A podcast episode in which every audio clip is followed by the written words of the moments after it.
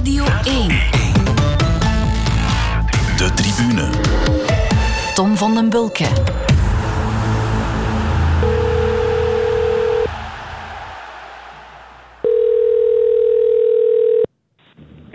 Hi, everyone. It's Maria. I actually prefer text messages. So if you can, hang up this call and text my number. Ja, we gaan voor één keer met de deur in huis vallen. Karel Bertele, hallo, wat Dag, is Tom. dit? En waar gaat dit over? Jij weet er alles van. Wel, jij was de aanstoker eh, zaterdag op de redactie eh, toen je bekend maakte, en het stond ook op de site natuurlijk, dat Maria Sharapova, de ex-tennister, ja, aan iedereen vroeg van, heb je problemen, wil je van mij iets weten, dan sturen we je mij maar een sms. En er kwam een nummer, en als je daar 001 naar Amerika voor eh, zette, dacht ik van, ik ga haar toch maar eens proberen te bellen. en dit was het antwoord, dus het was natuurlijk voicemail, maar kijk, eh, Maria Sharapova is eh, bereid om op al onze vragen te antwoorden. Ja, ik vond het echt spijtig, Karel, want een gesprek tussen Maria Sharapova en Karel Bertele, dat het echt is willen Ik weet niet wat je gemist hebt. In elk geval, Karel, welkom in de tribune Dag, en welkom ook Tom Boudeweel. Goeiedag. Je bent een beetje gehavend, heb ik eh, begrepen. Tom, vertel eens. Eh, ik ben gevallen met de fiets. Ik wou gisteren eh, zelf de ronde een beetje rijden, dus Ja. niet de hele ronde. En eh, in Erpenmeer, of all places, ben ik onderuit gegaan. Een klapband achteraan. Ai. In de bocht, in een afdaling. Dus nu weet ik ook hoe het voelt om schaafwonden te hebben en om onder de douche te staan. Ja, dat wist ik al, omdat ik als voetballer af en toe een sliding deed en op droge terreinen deed het ook wel eens pijn. Maar ja, nu eh, weet ik hoe Peter van den Bemt zich een eh, tijd geleden gevoeld is toen hij zwaar ten val is gekomen Ja. eh, in de Vlaamse Is de nacht een beetje meegevallen eigenlijk? eh, in- moeilijk, omdat ik slaap altijd het best op mijn linkerkant. En het is natuurlijk de hele linkerkant die open ligt. Dus eh, het was een beetje wringen en vroeten. Had jij je helm op, Tom? Ik had een helm op, natuurlijk. En sowieso. ben je daardoor ook een beetje gered geweest? Nee, ik ben niet op mijn hoofd gevallen. Het was eh, op de zijkant en dan meegedraaid. Ja. Dus eh, mijn twee ellebogen liggen open. Maar eh, kijk, mijn mooi pakje van Team Belgium is eraan voor de moeite. Dus ik zal eens bij BioRacer moeten horen of ze nog eentje hebben. En ook geen sleutelbeenbreuk. Nee, gelukkig niet. Gelukkig. Dan ben je nog Nee, niet een echte coureur. Ja, eh, ja oké. ja. Eh, Ik zie eh, bij ons thuis wat het allemaal kan zijn. Al die plekken eh, van schaafwonden. Dus eh, ach ja. Ja. Je hebt hem even genoemd, Peter van den Bemt. Ik vroeg het vorige week ook aan hem. Het leven zonder voetbal voor een voetbalcommentator. Hoe valt dat mee? Eh, dat valt eh, voor mij alleszins eh, heel goed mee. Je mist natuurlijk de sport, je mist vooral de contacten, dat vind ik. je, je mist de emotie wel een beetje. Vandaar ook dat er heel veel volk gekeken heeft, denk ik, gisteren naar de virtuele koers. Maar er is ja, nog wel heel veel te doen. Ik ben een beetje verslaafd aan sociale media, dus daar heb ik wel heel veel tijd voor. Dat is een halve dagtaak tegenwoordig. Ja, dat is ook zo. Je, allee, je blijft de kranten lezen. Om, het verandert bijna uur na uur. Eh, ik denk dan aan de buitenlandse competities bijvoorbeeld. eh, wat er eh, te wachten, wat er ons te wachten staat, wat er de spelers te wachten staat. En ik doe ook nog een aantal sociale media voor anderen. Dus daar ben ik ook nog altijd zoet mee. En er is nog altijd het enige echte hoger op kalken natuurlijk. En dat blijft ook draaien. Ja, daar gaan we het straks misschien nog wel even over hebben. Maar eerst de momenten van de week. Ze zijn er nog wel degelijk, al eh, is het niet meer zo evident om ze nog te vinden in deze tijden. Maar Tom, jij bent dit gaan zoeken bij Extra Time. Agnes, waarom heb jij geen boekenkast? Eh, ja, ik heb gezien dat jullie alle drie wat boekenkasten hebben, maar ik heb ook wel wat boeken in mijn huis. Dus eh, ik wil wel, eh, ik ga je straks wel achter mij zo hangen. Dat, eh, ik ben ook wel, eh, ik ben ook wel slim, jongens. Ik ben ook wel slim.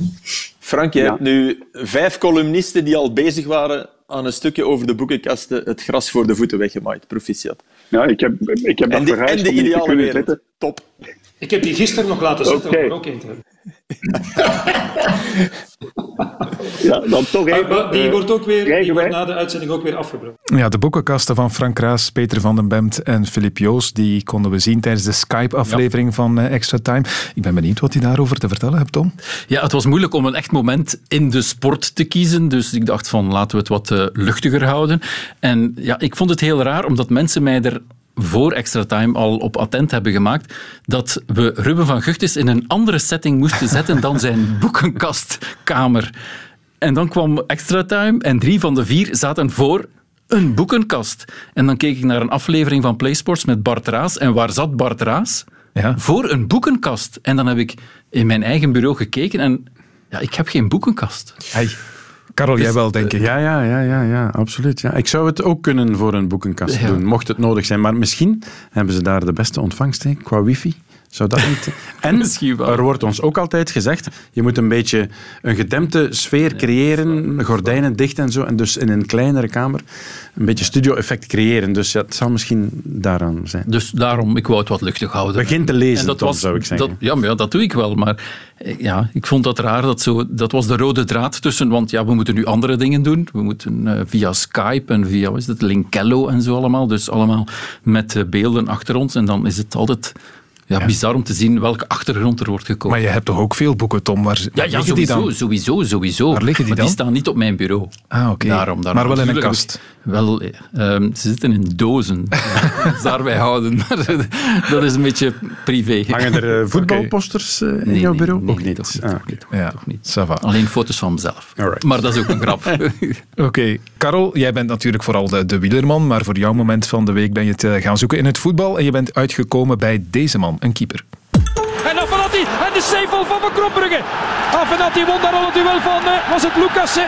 En Van Krombrugge moet al een eerste keer in de openingsminuut aan eh, de bak. Amala, randje van het strafschopgebied. Breed leggen nu voor Jimmy Rood. En ja, uitstappen van Lucassen. En uiteindelijk toch weer een poging en toch weer Van Krombrugge. Een kwartier nog zo ongeveer. En Anderlecht onder zware druk van Standaard. Avenatti zet zich door nu in het strafschopgebied. Avenatti ligt de bal breed. Amala, save van Van Krombrugge opnieuw.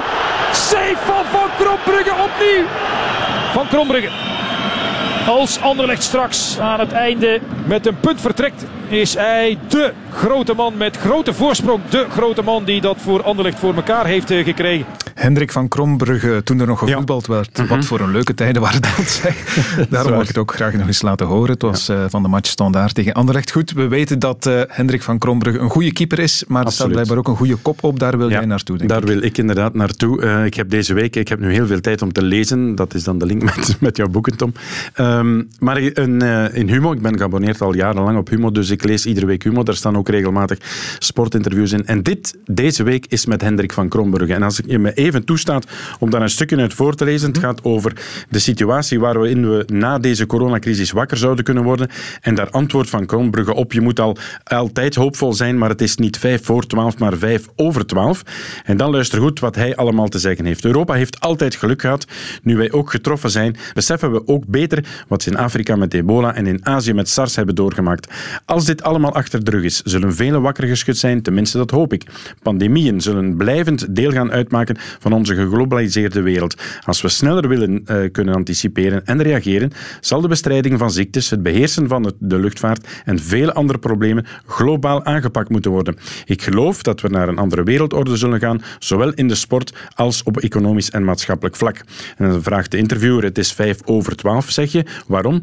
Neem de opwarming van de aarde, zegt Van Krombrugge. De scenario's zijn bekend, maar voor zover, ze zijn door, zover zijn ze al doorgeschoten dat niet alles goed te maken is. Ik ben geen fanatieke ecologist, maar dat het niet goed gaat met de planeet, daar ben ik me ten volle van bewust. Moeder Natuur heeft haar manieren om ons dat duidelijk te maken. Deze pandemie is daar een voorbeeld van. Een complexe samenleving als de, onze, als de onze vraagt complexe maatregelen. Misschien moeten we een voorbeeld nemen aan Aziatische landen, waar de samenleving en pact rechtlijniger is, waardoor er ook doortastender gereageerd kan worden. Amen. Ik ga niet zeggen dat ik van mijn stoel viel, maar dit is een openbaring voor mij. Van een sportinterview met een sporter, met een voetballer. Ik ga niet veralgemenen of zeker niemand willen kleineren.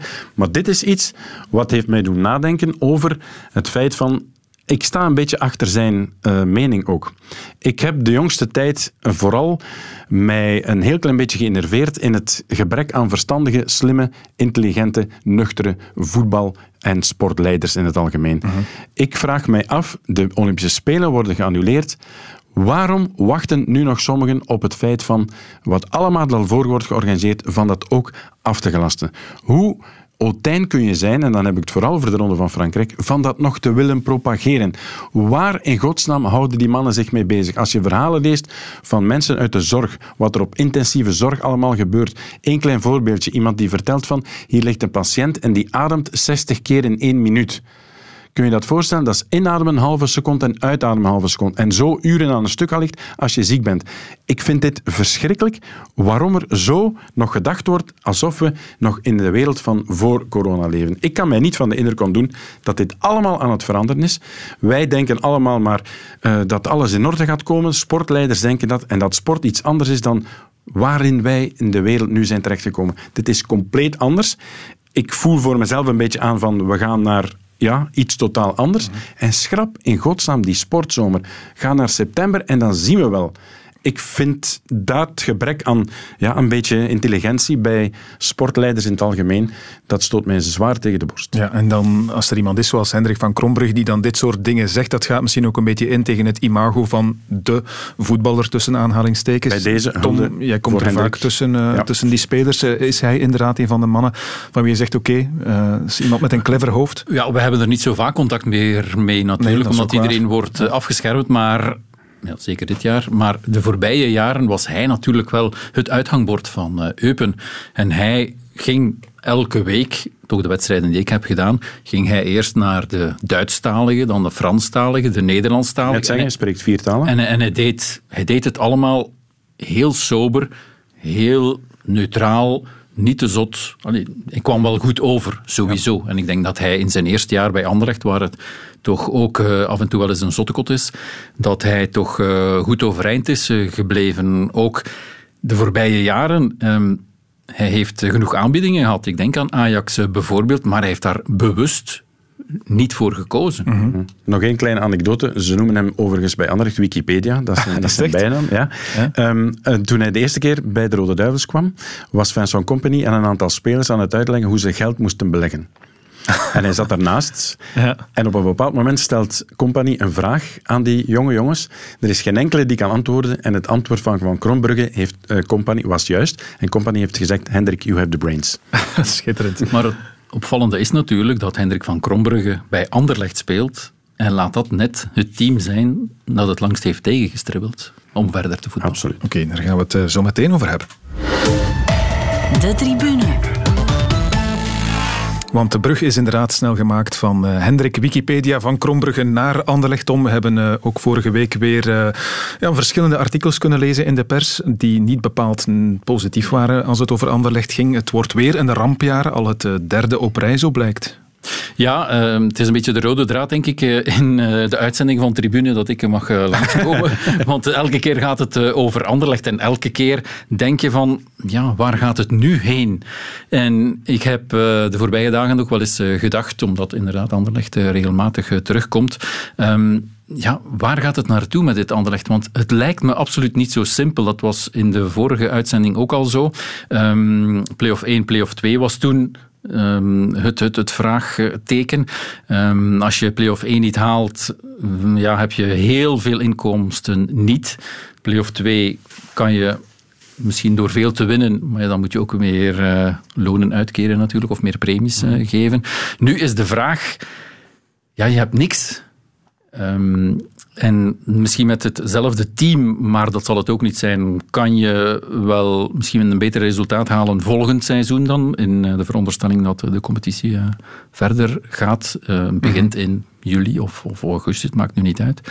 Maar als je geen geld hebt, kan je ook niet koken natuurlijk. En um, er moet toch wel wat bij in de gedachtegang van dat er ook iemand zal weggaan. Want als je geld nodig hebt, moet je iemand verkopen. En als dat dan een publiekslieveling is, um, een doku, ik zeg nog maar, maar iets, of Sambilo Conga. Um, maar je zit met het uh, probleem dat je er minder voor gaat krijgen. Dat zegt uh, iedereen, dus daar ga ik ook wel van uit. Maar het uh, grotere probleem is, en dat zal straks misschien ook nog wel ter sprake komen, is dat um, met de UEFA dat alles aan het opschuiven is, dat ook de transferdeadlines aan het uh, opschuiven zijn. En stel nu dat uh, België in, als het kan, altijd, in, in, in, eind juni, juli begint te voetballen opnieuw. Um, dan zijn de grote competities ongetwijfeld toch niet klaar. En die transferdeadline gaat dan ook opschuiven. En dan denk ik, ja, ze gaan niet bij Waasland Beveren een speler komen halen, maar wel bij de topclubs. En die gaat dan weg zijn.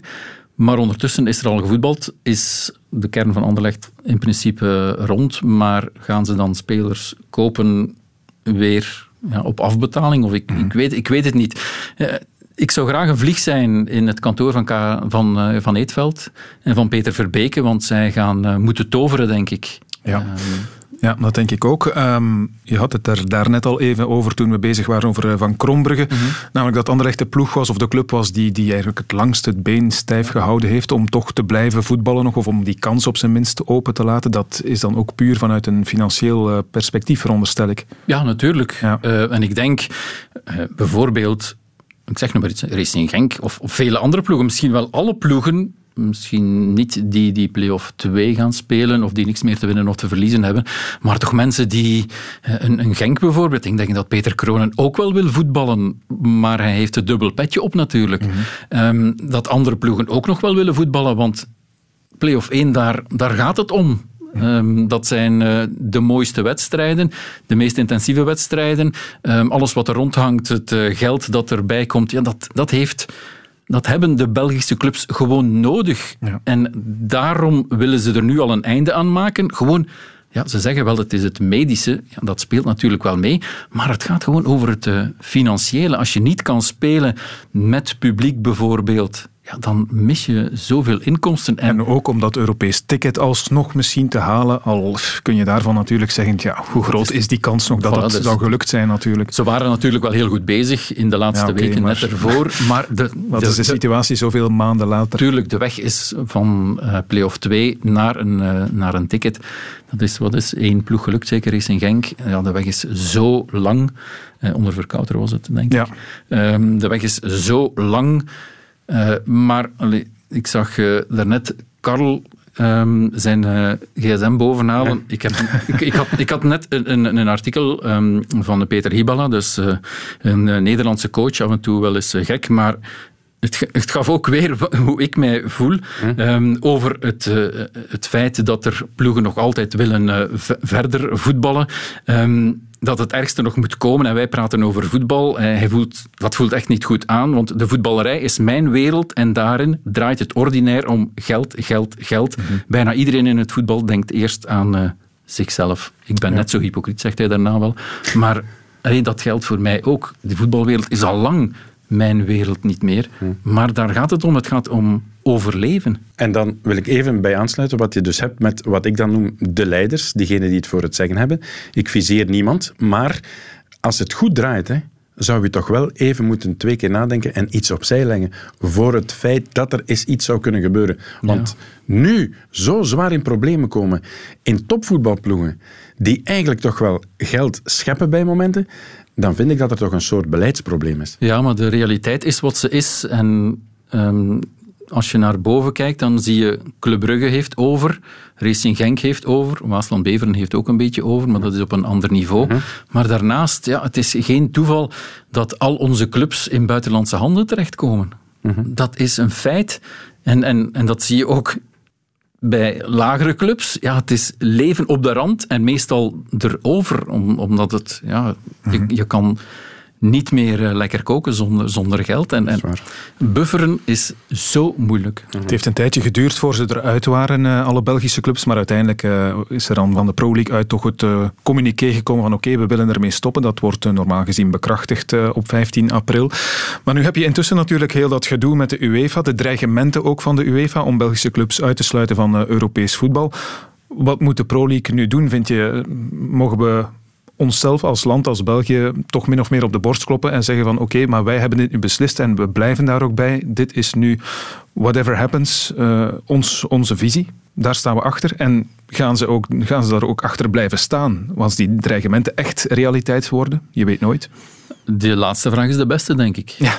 Het is nog geen 15 april. Nee. Daarom zal ik ook elke dag de kranten lezen en uh, de site volgen. Want ik ben er nog niet zo zeker van dat het op 15 april ah, ja. zal gedaan zijn. Okay. Ik denk het niet. Zijn daar al signalen voor dan? Nee, dat niet, maar de UEFA kan echt dat sneeuwbaleffect niet uh, hebben. Mm -hmm. um, er gaat zoveel geld in om in de topcompetities. En we hebben het gezien met de Olympische Spelen ook. Het kleine Canada is begonnen. Mm -hmm. Een paar landen zijn gevolgd. En uh, de Spelen zijn verzet. Maar zou dat nu zo erg zijn? We leven in een wereld die een maand geleden niet voor mogelijk werd gehouden. Ja, maar je kijkt, geld, geld, geld. Ja, ja. En als je de bedragen ziet van de Premier League, als je de bedragen ziet in Spanje, al die tv-rechten, ehm, ja, het, het, het is te gek, hè? Stel nu, de competitie is gedaan in, eh, in de Premier League, toch de competitie. Er zijn nog heel veel clubs, en dat is niet op deze twee handen, maar ontiegelijk veel clubs die nog geld te goed hebben van de Premier League voor al die transfers. Dus als de Premier League failliet gaat, wordt het verspreid over heel Europa. Om maar één punt te noemen. Hè. Daar, daar gaat het om. Ehm, Duitsland is, is een sterk land en ik ben benieuwd of ze echt het tempo gaan aanhouden van hè, met twee trainen. Vandaag wordt het al met vijf of met zes of met zeven trainen. Zij staan het verst en ik ben benieuwd hoe dat eh, gaat door. Want die willen al, wat is het, eh, midden mei willen die, eh, willen die alweer voetballen. Nog eens, we hebben slimme, intelligente, nuchtere leiders nodig op elk niveau om deze situatie aan te pakken. Echt waar. Ik kan me niet van die indruk ontdoen. Maar klopt dus inderdaad, het draait allemaal om, om geld. Eh, De UEFA wil die vijf grote competities behoeden voor dat zware financiële verlies. Ondertussen heb je al veel gedoe ook in Engeland, onder meer met een uitspraak van eh, de minister van Volksgezondheid, die vindt dat de grootverdieners in de Premier League zouden moeten inleveren en investeren in, in de zorgsector. I'm putting more money, taxpayers' money, into hospices to support them. But why don't our footballers club together and support our hospices and support the national effort that we're all in? I think that is the sort of thing that would go down really well and help bring the country together. Er wordt inderdaad gekeken nu naar die miljonairs van de Premier League, maar eh, er zijn er al een paar die van zich laten horen hebben. Wayne Rooney bijvoorbeeld, die zegt, eh, ja, ik zie dat niet zomaar zitten. Waarom zijn wij voetballers plots de zondebokken? Ja, je kan het doortrekken natuurlijk naar de Lewis Hamiltons eh, van deze wereld. En er zijn er al die een paar miljoenen eh, hebben eh, gestort. Golfers. Golfers, uh, je, kan het, je kan het inderdaad doortrekken. Maar het is inderdaad wel een beetje schrijnend als je... Sommige spelers verdienen, wat is het, een huis, 300, eh 400.000 euro per, week. Per week, absoluut. Ja, dan... Ik vind het, bijvoorbeeld een Toby Alderweireld, ik vind het mooi dat hij tablets eh, schenkt natuurlijk, maar allee, ja, ja, moeten we dan allemaal op de achterbank, eh, allemaal op de banken gaan staan en goed gedaan? Pas op, Toby is een super toffe gast en het is, het is een hele mooie geste. Maar allee, ja, Dat, eh, dat is voor hem niks. Hè. nee, natuurlijk niet, daarom. Het is inderdaad een mooie geste, maar, maar dat doet hem absoluut geen pijn in de portefeuille. Nee, maar ja, moeten wij de rekening maken van hen? Nee, natuurlijk niet.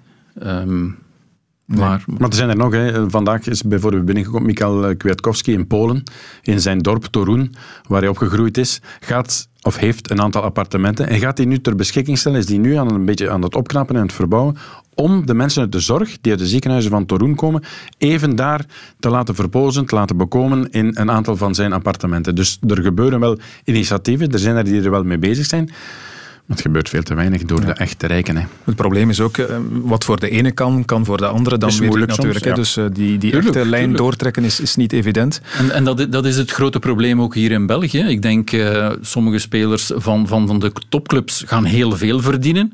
Want ik heb gelezen, een gemiddelde van 337.000 euro eh, verdienen eh, de profvoetballers bij ons.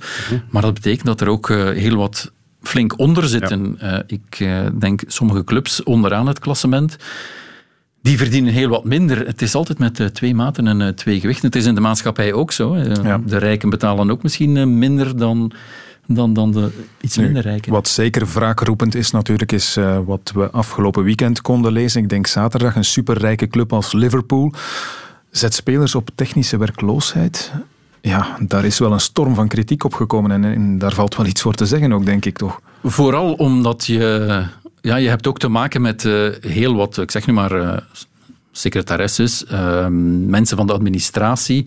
Ja, en die zitten al direct op de technische werkloosheid. Terwijl ik denk dat er wel een eh, serieuze kloof eh, gaapt tussen wat eh, de shotters verdienen en wat het eh, personeel, ik noem dan kinesisten of zo, daar ook nog bij. Ja, dat was wel heel frappant. Zeker als je dat vandaag ook leest, bijvoorbeeld bij Standaard, dat zeven spelers ehm, als pestgedrag naar, ook naar technische werkloosheid gaan.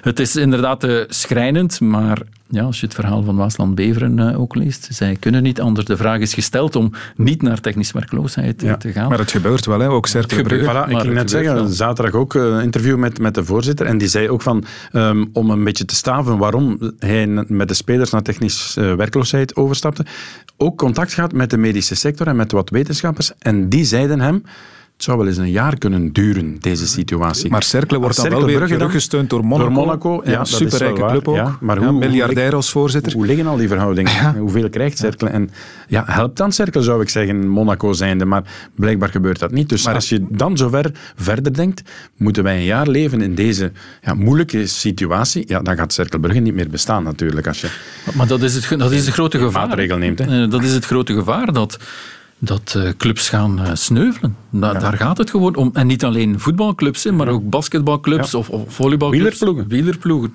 En oké, okay, ik ga misschien kort door de bocht door te zeggen, Cercle Brugge, dat is ook Monaco. Monaco, dat is uh, de miljardair uit Rusland. Maar goed, heel veel mensen maken die denkoefening natuurlijk. En dan ga je toch uiteindelijk krijgen. Wat ik vrees is dat dit allemaal heel slecht afstraalt op het voetbal. Oh, ja, en dit, dit wordt ook in de politiek weer allemaal uh, meegenomen natuurlijk Absoluut. in de denkoefeningen naar later toe. Sowieso. De onderhandelingen uh, liepen al niet uh, echt vlotjes voor RSZ en andere bijdragen.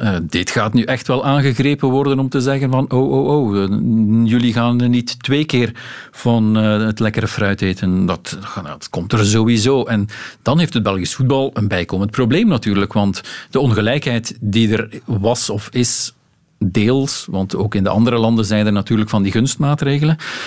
Maar eh, dat gaat, uh, dat gaat als een boemerang terugkomen, sowieso. Er zijn gelukkig spelers, we hebben het al aangehaald, of sporters die heel veel goede dingen ook willen doen. Er zijn ook clubs die goede initiatieven nemen. In Engeland heb je bijvoorbeeld Watford. Daar uh, hadden ze het idee om spelers eens te laten bellen naar supporters, om hen een hart onder de riem te steken. Rode Duivel Christian Cabasele is er ook bij, bij die Watford-spelers. Hij belde een twaalftal supporters op en ze hadden het niet allemaal even goed begrepen. I get uh, a list of 12, uh, 12 names from uh, from the club, and, uh, and I spend uh, almost almost an hour to call to call everyone. I think that some of them didn't even believe that it was that it was me because they they just finished the call so fast. The, the, the most funny moment was when I I called someone and I said hi, I'm Christian Cabasele from Watford and uh, he was just keeping saying, "Oh yes, yes, okay, but we don't need anything." Sales call. yeah, I think the phone call uh, last 30 seconds, something like this. Yeah. Thank you, but we don't need anything. So yeah, that was very funny. Ja, hij moet zich een beetje een uh, getuige van Jehovah gevoeld hebben. Misschien ergens aanbellen. Ja. Maar nee, uh, we hebben niks nodig, dankjewel. Dus uh, de supporters waren er niet, niet zo heel snel mee mee allemaal. maar het is wel mooi, een mooi initiatief natuurlijk. Dat ze Zeker, ik heb het een paar keer zien passeren. Ook in Nederland was het ook het opbellen door de coach en door een aantal spelers. Dus ja. dat is wel leuk, want uiteindelijk ehm, ja, voor veel fans is het nu een periode van uh, ja, waar gaat het naartoe? We hebben ons voetbal niet, uh, we kunnen ons niet uitleven. Uh, onze club, waar gaat het eindigen met onze club? Dus ik denk dat het wel belangrijk is, zeker omdat de fans Mm blijven belangrijk, zo dat hebben we gezien in die wedstrijden zonder publiek. En een gewone supporter kijkt op hè, naar, uh, naar de sterspelers en zo. Dus... Hoe zou je je voelen, Karel, inderdaad, mocht je een berichtje krijgen van Maria Sharapova? Hè? Ah, maar ik zou opnemen, hè? Ja, maar ze belt niet, hè? Het zijn enkel berichten. Je sms'en. Ja, ja. En voorlopig, Thank you, I don't have a problem. Voorlopig kon het niet voor uh, Belgische uh, Nee, blijkbaar niet. Dus ja. uh, we moeten nog dus even we moeten er nog een beetje werk van maken. Ja. Iets om naar uit te kijken. Ondertussen wordt er her en der in de wereld toch nog gevoetbald. In vier landen, als we goed geteld hebben. Weten jullie de welke? Ik weet, weet, weet, Rusland, maar waar is dat niet gestopt ondertussen? Nee, nog niet. Nog niet? Nee, nog niet. Serieus? Uh, Burundi, mm -hmm. want dat, dat, had ik uh, gezien van het weekend. Dat Iets er met een T ook, dacht ik. Juist. Tajikistan. Ja? Tajikistan? De Supercup is daar gespeeld. Maar enfin. Klopt. En, en Nicaragua. Voilà, inderdaad. Ja. Wit-Rusland, Burundi, Tajikistan en uh, Nicaragua. We hebben een getuigenis over dat voetbal in Nicaragua. Even luisteren. They're still playing football in Nicaragua because...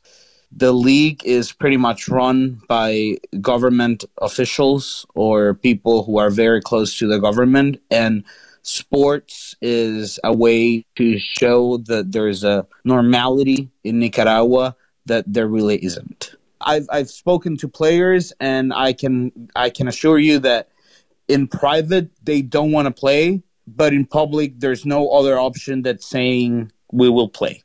Are they taking any precautions? There are some cases of players who have uh, jumped to the field with masks and gloves, but it's not the majority. You know, I can't imagine running 90 minutes with a mask No. uh, over your nose and face. At the end, you know, football is passion, football is joy, and at the end, you score a goal and they come and hug you. Uh, they shake your hands. They, you know, uh, football is contact. Voetbal is een contactsport en er zijn er dus blijkbaar een aantal eh, die in Nicaragua gespeeld hebben met handschoenen en een mondmasker Als, op. als je Je dit nu hoort en de mensen in de zorg die, die mondmaskers tekort... Allee jongens, dit is toch wel... ja, sorry. Ja, maar maar dat, dat is het opvallende nu net. Iedereen zegt van het is gevaarlijk, blijf in uw kot, doe dit, doe dat. En dan zouden wij 22 voetballers laten voetballen. Ja. Los van het feit dat ze het zouden willen of niet. Maar logisch lijkt mij dat toch niet. En dat, en dat is hetzelfde als je dat eh, doortrekt naar... We stoppen met ons voetbal, maar we gaan toch nog proberen om eh Oud-Heverlee Leuven en Beerschot en de bekerfinale gaan we toch nog proberen af te werken. Ja. Is dat dan een ander soort voetbal of is dat... Dat, dat begrijp je toch niet? Dat is een heel bizarre redenering, inderdaad. Nu, in de lagere klasse hoeven we die discussie niet meer te voeren. Daar is eh, de competitie definitief stopgezet al. Maar de miserie is wel al begonnen. Hè. Met Sint-Niklaas nu bijvoorbeeld, dat verzet aantekent Mhm. tegen de degradatie. Hoeveel van dat soort eh, juridische wedstrijden, om het zo maar te noemen, gaan we nog krijgen? Hopelijk niet te veel. Ja. Er is eh, al vaker een oproep geweest voor solidariteit. Ik eh, vind dat dat een heel lol, hol woord is eh, in vele sportfederaties, in vele sportclubs. Ehm, maar het zal wel moeten, vrees ik. Maar ik, ik ken de situatie van Sint-Niklaas nu niet persoonlijk. Mhm. Jij misschien iets beter. Is dat voor hen inderdaad zo dramatisch om, om volgend seizoen een reeksje lager te moeten spelen? Sint-Niklaas is een eh, ja, aparte voetbalstad natuurlijk, waar het voetbal niet of nauwelijks eh, leeft. Ehm, ze hebben het ook niet makkelijk. Guido van Lijsebette, die naam zegt jou misschien wel iets. Dat is eh, iemand à la Michel Verschuren, dezelfde grijze vos. De man met zijn drukkerij die Nieuwerkerken, Nieuwkerken eigenlijk, Nieuwkerken-Waas, eh, lang als enige heeft eh, naar de toppen heeft eh, gebracht. Nu is dat ondertussen eh, Sint-Niklaas. Ehm, er is eh, heel veel gebeurd de voorbije jaren daar. En ja, ze willen in die tweede amateur blijven, veronderstel ik. Want in hun persbericht stond ook Vigor Wuitenshamme vermeld dat zij mee op de kar zouden springen. Maar die hebben dat gisteren dan toch ontkend. Dus is het enkel Sint-Niklaas.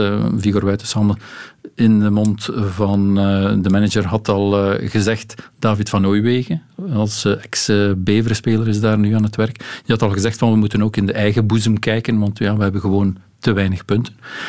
En ik denk eh, ja, dat we daar naartoe moeten. Ehm, het is een eh, situatie die we misschien nooit meer gaan meemaken. En ja, we zullen er ons moeten bij neerleggen. Hoe pijnlijk het ook is voor sommige teams eh, die gaan degraderen. Het is, het is een cliché, hè, maar uitzonderlijke omstandigheden lopen uitzonderlijke maatregelen. Sorry. En het zou op een manier verfrissend ook zijn mochten er bepaalde clubs inderdaad zeggen van oké, we degraderen misschien terwijl we ons nog hadden kunnen redden, maar we hadden het maar gewoon beter moeten doen. Dus kun je ook over Anderlecht zeggen trouwens toch? Ze staan nu op die achtste plaats. Ja, als ze hoger hadden willen staan, hadden ze het maar gewoon beter moeten doen, toch? Ja, dat zei Ruud Vormer ook. Ja, Voilà. ja. Dat nee, dat klopt. Ja, ja. Oké. En dat, dat was ook zo toen basketbal en volleybal eh, gezegd hebben van we stoppen ermee, meteen een punt erachter. Dus hulde aan de maatregel die toen door basket en volleybal is genomen. En het verschil is nog alleen dat ze in basket wel een kampioen hebben toegekend in eerste, in het volleybal niet. Maar goed, uiteindelijk dooft die discussie gewoon uit, want de realiteit overstijgt alles. Tom, je hebt de naam al even laten vallen. Je bent bestuurslid bij Hogerop Kalken, ploeg uit Eerste Provinciale.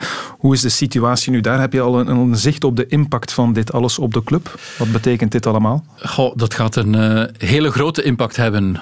Maar een crisis is ook eh, een kans. Ik las het eh, dit weekend nog eh, bij Ivan de Witte. Een crisis is altijd een moment om eens na te denken en om misschien een andere weg in te slaan. Een weg die je niet hebt gezien toen je maar eh, voortdramde in het eh, seizoen, om te overleven ook. Eh, we hebben al een aantal ehm, ja, calls gehad ehm, via de computer van de Raad van Bestuur. En vanavond is er een nieuwe met de commerciële cel om te gaan kijken ja, wat gaat er gebeuren met ons als club. Maar wat gaat er gebeuren met de mensen die tot nu toe geïnvesteerd hebben eh, Mhm. in onze club? Gaan die dat nog willen doen? Ehm, ja, wat gaan de spelers doen? Want daar zal alles van afhangen. Ehm, ik denk als je nu moet eh, uitbetalen wat je voorzien hebt, want die contracten, sommigen liggen al vast van eh, december, januari, Mhm. dan ja, ga je dik in de shit komen, dat weet je zo. Het is niet alleen bij ons, hè. Dus, eh, het is ook bij de andere clubs. En ik eh, vrees, wij hebben een, een redelijk jong bestuur, met, met redelijk wat vrijwilligers ook, dat de teams die daarop kunnen eh, voortborduren, dat die gaan overleven. Maar ik denk dat het een, echt een slagveld wordt. De tribune. Geen voetbalwedstrijden op dit moment, maar we hebben eindelijk wel nog eens een wedstrijd beleefd. Jawel. zijn zo goed als binnen met Greg van Avermaat. Heeft er lang over gedaan, maar Greg van Avermaat wint in uitzonderlijke omstandigheden de Ronde van Vlaanderen voor de mannen vanuit in Kot. Voilà, van Avermaat. Op één. Proficiat. Proficiat, proficiat, Greg. Gedaan. De Ronde van Vlaanderen op rollen. Wat vond je ervan, Karel? Ja, ik eh, vond het eh, een leuk amusementje. Ik heb uh, zondagnamiddag lang in mijn tuin gewerkt en ik had mijn klok een beetje op kwart over drie gezet. Dan had ik nog de aankomst van uh, de ronde 2017 even. en dan uh, kwam het, hè. Het kwam een beetje moeilijk op gang, maar ik denk voor de jeugd, en Thomas van der Spiegel heeft dat uh, vandaag ook al aangehaald, heel veel jonge kijkers. En ja, dat was een game, als het ware voor hen. Voor ons ook een beetje, om op die manier naar een koers te kunnen kijken, want het was een beetje aanpassen aan al die cijfertjes en het snelle verloop en wat er allemaal met games gebeurt. Ik ben geen gamer, dus het was een beetje nieuw ook voor mij. Maar oké, um, om nu staan te roepen dat dit uh, de toekomst is of dat dat nog moet gebeuren, of ik ga er de volgende keer denk ik toch niet voor thuis blijven. Ik had een beetje hetzelfde gevoel. Oké, okay, leuk om eens te zien, maar hoef ik dit volgende week al opnieuw te zien? Nee. Mij nee, persoonlijk nee, hoeft het niet. Nee. Tom, ik weet niet hoe het bij jou zit. Nee, zeker niet. En dat zal het ook niet zijn. Uh, ik ben een Zwifter, dat is dan de concurrent van uh, Be Cool. ja. Maar uh, ja, het heeft mij wel verbaasd uh, tot wat Sportza en Flanders Classics en um, Be Cool, tot wat ze in staat Staat zijn. knap in elkaar. Dat is echt absoluut. Wel, allee, ik, wel, ik heb woensdag hier nog gewerkt, hier in huis. En toen waren ze Test. daar aan, ja. Aan het testen en zo als je dit kan met, met, met vooral die tracking systemen, ja. um, met zo inderdaad de cameraatjes, ja, ik vond het wel uh, super gedaan. En oké, okay, dat zal niet uh, verder uh, een, een leven gaan leiden om dat echt te doen, maar ik zie daar wel toekomst in hoor. Ja, toch wel. Maar ja. toch op momenten dat er niets anders te ja, beleven tuurlijk, is. Tuurlijk, Want tuurlijk. dit was nu een gouden moment. Dit, ja, je moet, moet zien, ik ben in oktober ben ik naar um, het uh, Sportinnovatiecongres geweest. In uh, Brugge was dat, van Sport Vlaanderen. Sport Vlaanderen is echt wel enorm bezig met sport in de toekomst. Mhm. Uh -huh. En dat ging dus over uh, virtual reality, zaken zoals fietsen, ja, ja. rollen, ah, ja, okay. dat soort dingen. Dus die waren daar super blij mee dat dat op de VRT, op Sportza, is gekomen. Want en zij maken een beetje het onderscheid tussen e-sport aan elkaar. Mhm. Mm -hmm. Dus ah, ja, uh, ja. onze zonen of onze dochters Mhm. die uh, aan het schieten zijn, of ik weet niet wat aan de Fortnite aan het spelen zijn, maar zelf niet in beweging zijn. Of e-sport met een uh, streepje, Streepje. Ah, ja. waar je zelf Ja, aan ja. sport doet. Dus zelf gaat lopen. Op Zwift kan je ook uh, lopen Mhm. of, of, of, fietsen. Uh, virtual reality, um, dat soort dingen. Daar zijn ze enorm mee bezig. En stel nu dat over vijf jaar dat het te warm wordt in de zomer om te lopen, dat je, zoals uh, Oliver Naassen, denk ik, in zijn bunker Ja, daar uh, beneden, inderdaad. dat je daar een loopband zet met uh, airco, Ja. dat je dan wel kan lopen op het moment dat jij wil en niet om, ik zeg nu maar, vier uur s'nachts. Oké. Dus daar is echt wel een uh, markt voor. En daar is uh, Sport Vlaanderen al enorm mee, mee bezig. En blijkbaar hebben die mannen ook afgezien. Dus, hè. Het was dus echt, echt Dat op de wel. Voel je dus kasseien, voel je de klim, zag je die wattages ook veranderen? Ik vond het straf dat er een paar uh, piepen dood zaten, alsof ze als het ware wel. En het was maar ja. 32 kilometer. Dus, ja, het is, uh, het is alles geven op die het is 32. alles Als je die wattages ziet, Ja. dat is echt... Het was straf. eh, Want Van Avermaet legt dat dus af in 43 minuten. Mhm. Die 32 kilometer op rollen. Uh, dat is een topprestatie. hè. Dat Ja, mogen we ook wel zijn. Ik uh, maak het zelf mee. Ik rij wel rapper op de rollen dan uh, gewoon uh, buiten. Dus, ja. Ja, absoluut. En Greg van Avermaat was inderdaad de beste. Dit uh, zei hij achteraf. Geprobeerd om mijn best te doen. Uh, in het begin was ik een beetje verschoten van de snelheid, want op de kruisberg moet ik toch, even, lo- even lossen. En dan heb ik uh, ja, een beetje zoals in het echt alles op de pater gezet. En uh, dan was het echt een beetje sterven tot aan de meet. Ik denk dat het een heel mooi idee was om, om dit naar voren te brengen. we weten dat iedereen in Vlaanderen, allee, op de hele wereld eigenlijk, houdt van de Ronde van Vlaanderen. Het is altijd een heel speciaal moment. Dit is geen waardig alternatief, denk ik, maar we hebben ons misschien toch een klein beetje kunt, de, de, het volk kunnen entertainen. Ja, heel veel mensen hadden verwacht dat het een, een duel ging worden tussen de beste tijdrijders, tussen uh, De Gent en Evenepoel. Maar kijk, het is toch gerecht geworden. Maar je komt jezelf dus tegen, hè, blijkbaar. Uh, Bettiol ook uh, stond ter plaatse.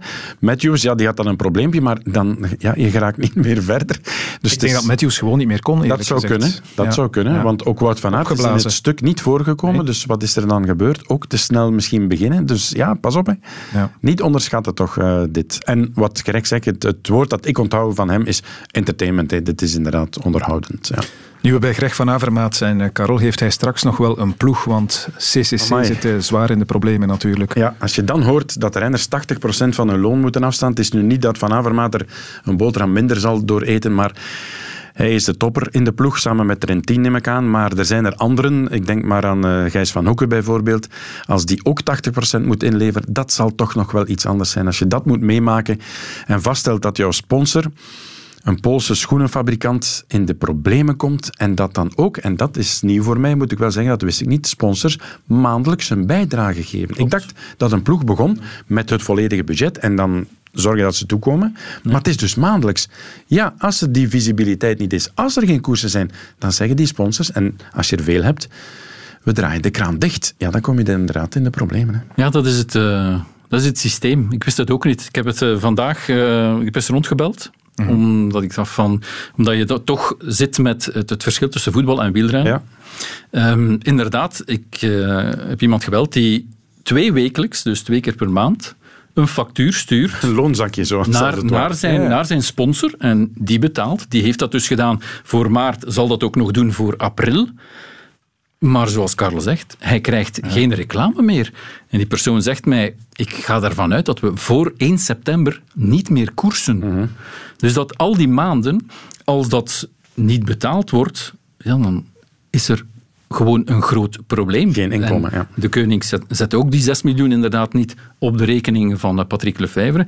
Dat is in schijfjes. gewoon in, in schijfjes. En daar, daardoor wordt dat betaald. Plus er is ook geen inkomen meer van prijzengelden. Nee, nee, nee. En is er dan niet zoiets, Karel, als contract is contract? Of je het nu in schijven betaalt of... of ja, kan het gewoon ook maar zijn dat natuurlijk dat die sponsors zo zwaar in de problemen zitten dat ze gewoon niet meer kunnen dat contract naleven. Dat, dat maar dat zal in het contract staan, denk ik, hè? maandelijkse aflossingen. Denk ja, ik, maar het probleem is dat um, sommige sponsors eisen dus dat... Um, de meer, dat er meer verkocht wordt. Ik zeg je maar dat bij de koning dat er meer ja. dingen verkocht worden. En ja. dat staat blijkbaar ook in bepaalde contracten bij sponsors. Het moet maal twee of maal drie zijn, moeten we zien in de verkoop.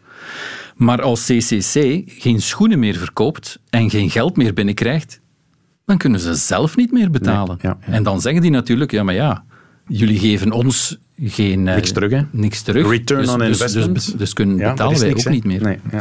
Je hebt CCC nu, die, die als ploeg als misschien wel het meest naar voren geschoven wordt als uh, ploeg in grote problemen. problemen. Zijn er nog andere ploegen die, die je ja, nu al of, of op vrij korte termijn ziet flirten met het faillissement? Ja, Bahrein is ook naar 70% teruggezakt. Astana hè, naar 30 Scott, uh, En Mitchelton Scott is de vierde. En Lotto Soudal was al de eerste om ja, personeel dan in technische werkloosheid te zetten, maar ja, um, als het inderdaad opdroogt, waar ga je het dan gaan halen, inderdaad? Ja. Dus nu, om, om een voorbeeld te geven, een echte topwielerploeg heeft, los van het feit dat ze mensen hm? dus uh, technisch werkloos maken, maar die hebben ook een wagenpark. Ja. Die worden geleased. Mm -hmm. Betaal je wel door, hè? Ja, absoluut. Dus een, een uh, verzekering voor die wagen, 1500 euro per maand bijvoorbeeld, mm -hmm. komt wel binnen.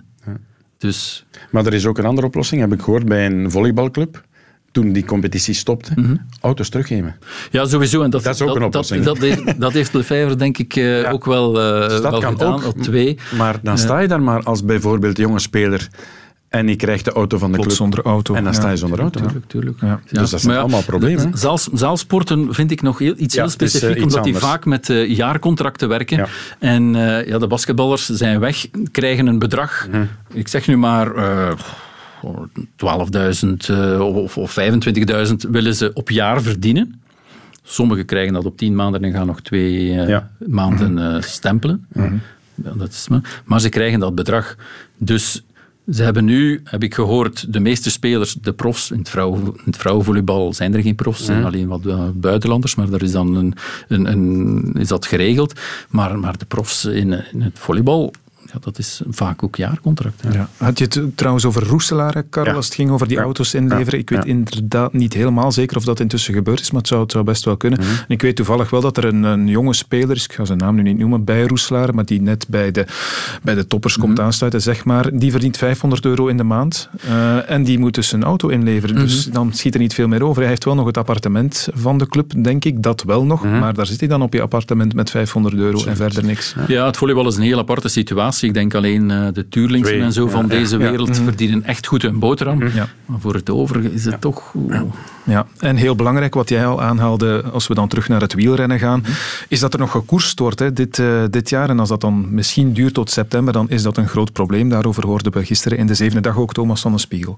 Ik denk dat we optimistisch moeten blijven, maar nogmaals, we moeten openstaan voor Is het alle niet scenario's. gewoon helderder, zoals ook de Olympische Spelen? Gewoon zeggen, we doen dat volgend jaar. Dat is misschien ook voor die wielrenners het helderste. Eh, dat is het helderste, maar ik denk dat Want de sector, constant leven op ik denk hoop dat de is ook sector het moeilijk. niet aan kan. Nee? En de teams ook niet, om nu te gewoon gaan zeggen, we cancelen gewoon 2020 en we gaan naar 2021. Dus om te overleven moet er echt in het moet- najaar eh, gefietst worden. dit jaar nog eh, gekoerst worden. En als het dan gaat over die visibiliteit voor de sponsors, dan hangt heel veel ook af van de Ronde van Frankrijk natuurlijk. Komt die er of komt die er uiteindelijk niet meer? Want dat is voor sponsors nu eenmaal eh, het uitstelraam van het jaar. Karel, voor je reageert, ik wil je eerst nog eens laten horen wat je zei hier een paar weken geleden ook in de tribune. Karel, er is ook nog de Ronde van Frankrijk. Oké, het is opnieuw speculeren, maar wordt dat de eerste grote ronde van het jaar toch? Maar ja, zeg, hey, we gaan nu toch niet... Zes, 27 juni, jongens. Allee, tot dan gaan we toch niet, niet, niet met niets... Allee, dat denk ik nu ook. Ik denk, ik denk eerlijk gezegd ook dat het doorgaat. Ja. Als je ziet wat de evolutie nu is in eh, China en in Japan. Dus ik denk dat we daar eh één, twee maanden achter zitten. Ja, en als we nu eind maart, eh, half maart op, aan de beter hand zijn in Azië. Ja, twee maanden erbij. Dus het moet in principe lukken. 27 juni moet lukken. Het is eh, frappant Met hoe snel mijn dingen kunnen excuses. keren. Nee, Karel, dat was 16 maart. Ja, je 16 denkt er maart. ondertussen anders over. Ja, hè? absoluut. Eh, dat is juist. Ehm, en je evolueert mee en je ziet altijd maar... Wat ik dan verschrikkelijk vind, iedere dag die dodelijke slachtoffers. Ehm, en dan wordt er soms, als er tien minder zijn, wordt er gezegd, het gaat de goede kant op. Ik val van mijn stoel als ik zoiets hoor. Hoe een klap in het gezicht is dat voor de mensen die, in de families die dat wel meemaken. Dus als dit nog altijd blijft duren, nee. Nee, nee, nee. Gezondheid voorop. We hebben het al honderdduizend keer gezegd. En alsjeblieft, gebruik je verstand, iedereen. Wanneer en wie gaat er de toelating geven of krijgen om te zeggen van we gaan weer met z'n allen buiten langs de kant van de weg staan, naar een koers kijken, in een voetbalstadion gaan zitten of eh, een massabijeenkomst doen. Dat kan nu toch niet, dat zie je nu toch niet gebeuren in de onmiddellijke toekomst. Nee, het is hetzelfde met wat we zeiden in het voetbal. Uh, Oud-Heverlee Leuven-Beerschot eh, kan wel doorgaan en de bekerfinale niet. Dus de Tour zou wel kunnen doorgaan met 100 en ik weet niet hoeveel renners die in een peloton bij elkaar rijden.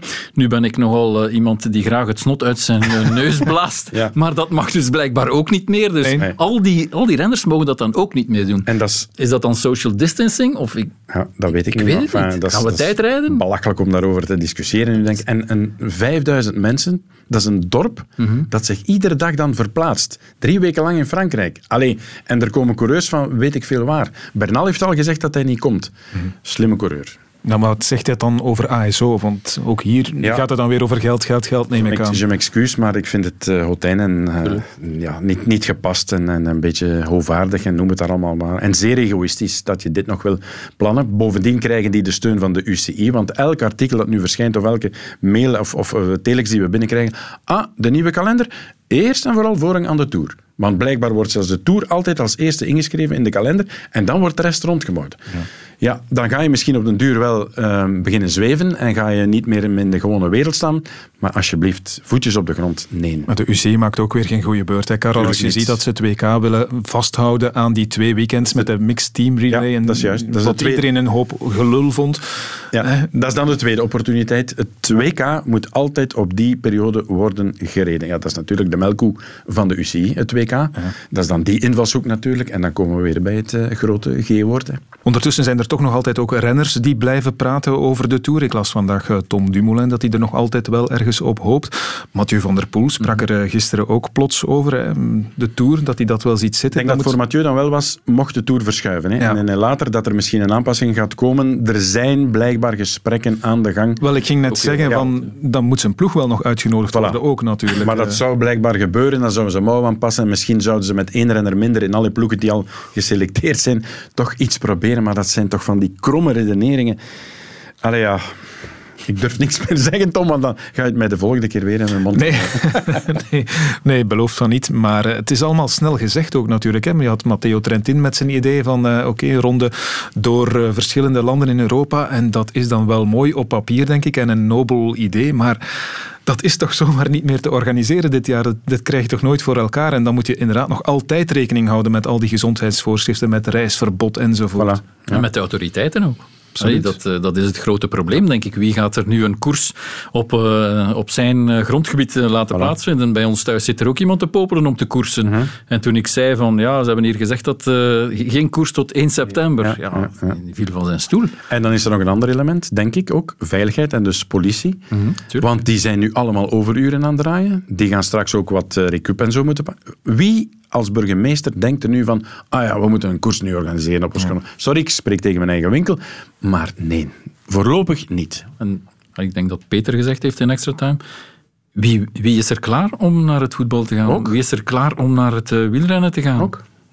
Ik weet het niet. Misschien, ik, ik wil naar het voetbal gaan, maar niet in deze omstandigheden natuurlijk. Dat je, En toch niet zonder publiek, hè? Ah, ook niet. Ook niet, ook niet. Dat is tomatensoep zonder balletjes. Dat, dat Allee, is ja, sorry, hetzelfde van ja, de Tour zonder publiek. Kan, de, kan de Tour nu kun je dit nu als minister verkopen? Je Ah, sorry. passeert, je passeert op de gewone Ja, weg. uiteraard. Dat is flauwekul natuurlijk. En je bedoelt natuurlijk ook, Tom, in het publiek gaan zitten gewoon hè, tijdens een voetbalwedstrijd. Ja, ja, niet zoveel als commentaar. Nee, nee, dat bedoel ik. Dat bedoel ik. Ja. Ja, ja, ja. Iedereen, mensen, mensen gaan toch niet bij elkaar kruipen? Sommigen doen het nog. Ja, ik, ik las zelfs dat er wat eh, escort girls werden uitgenodigd bij een eh, Engels International. Inderdaad. Kyle Walker. ja. Is het waar? Ja. Ja, die had dus eh, inderdaad, Oh, eh, ik denk eerst op Instagram iedereen aangespoord om binnen te blijven, afstand Maar te is- hij is houden. binnengebleven. Ah ja, zo. En het volgende wat hij deed was met een vriend, denk ik, Ja, eh, twee samen escort twee girls. escort girls eh, uitgenodigd. En die zijn effectief langsgekomen, alleen hebben ze zich daarna voor niet stilgehouden. Verkocht aan de Sun. En hun handen gewassen misschien. ja. Maar hij is binnengebleven. Ja, dat is goed. Nog één ding daarover, want eh, om nu te zeggen, we hebben meer tijd om te lezen inderdaad. Ik lees nu ook veel dingen. Maar eh, zolang er geen vaccin is, hebben we dus een probleem, denk ik, om, om weer buiten te komen en iedereen weer eh, met elkaar in aanraking te komen. Het zou zo zijn dat er 70% van de wereldbevolking immuun zou moeten zijn tegen dit coronavirus, om weer alles in zijn normale plooi en de gewone gang van zaken te laten doorgaan. 70% van de wereldbevolking. Dan zijn we nog niet snel klaar. Voilà. Nee, ik heb eh, vanmiddag ook met een dokter gebeld en die zei, misschien kunnen we weer gaan voetballen, maar dan leeftijdsgebonden. Dus 15-jarigen en met 15-jarigen kunnen weer gaan shotten, maar niet natuurlijk zoals een massa-evenement waar jonge gasten en oudere mensen bij elkaar komen. Ik vind het een goed idee, maar het zullen dan misschien de grootouders zijn die die kleinkinderen moeten naar de match brengen. En dan? Dat kan. En die mogen dan niet meer samen weer. In één Of nog auto. erger, ik mag de kantine niet binnen. Dat... Als de kantine al open zal zijn. Ja, dat vind ik wel lastig. Maar goed, eh, tot slot, Karel, omdat jij toch ook een basketbalman bent, Anne Wouters niet naar de Spelen. Mhm. Ja, En ik schrok een beetje. Wat krijgt ze dan ook nog? Het coronavirus. Basketbalster Anne Wouters is besmet met het coronavirus. Vorige week is ze ziek geworden. Even was ze echt bang, maar ondertussen is ze aan de betere hand. Ik moet wel toegeven dat ik er toch wel een paar dagen niet goed van ben geweest. Dat ik echt wel in mijn bed heb gelegen en dat ik echt wel niks anders kon doen hoor. Het gaat ook wel wat ehm, ja, op, en, op en neer toch hoor. Sommige dagen zijn echt al wat beter dan andere. En dan denk ik van, ja, het is goed. Allee, nu de kering is er, ik ben genezen. En, en dan, oeh, een paar uur later voel ik me dan weer wat slechter. Dus het is toch, het is toch een venijnig beestje, ja. Maar zelfs met het coronavirus in haar lijf klinkt ze nog altijd Ja, enthousiast. dat is- dat is waar. dat siert haar wel Als natuurlijk. je eh, van kwade wil zou zijn, ze vertelde, ik eh, liep de trap op en ik moest tien minuten eh, staan boven eh, uit te hijgen, dan zou iedereen kunnen zeggen, ja, maar met slechte knieën, dat, dat is normaal, dat is een grapje. Maar kijk, zo kan het dus een topsporter aantasten, hè? dat hij de trap niet meer opgeraakt.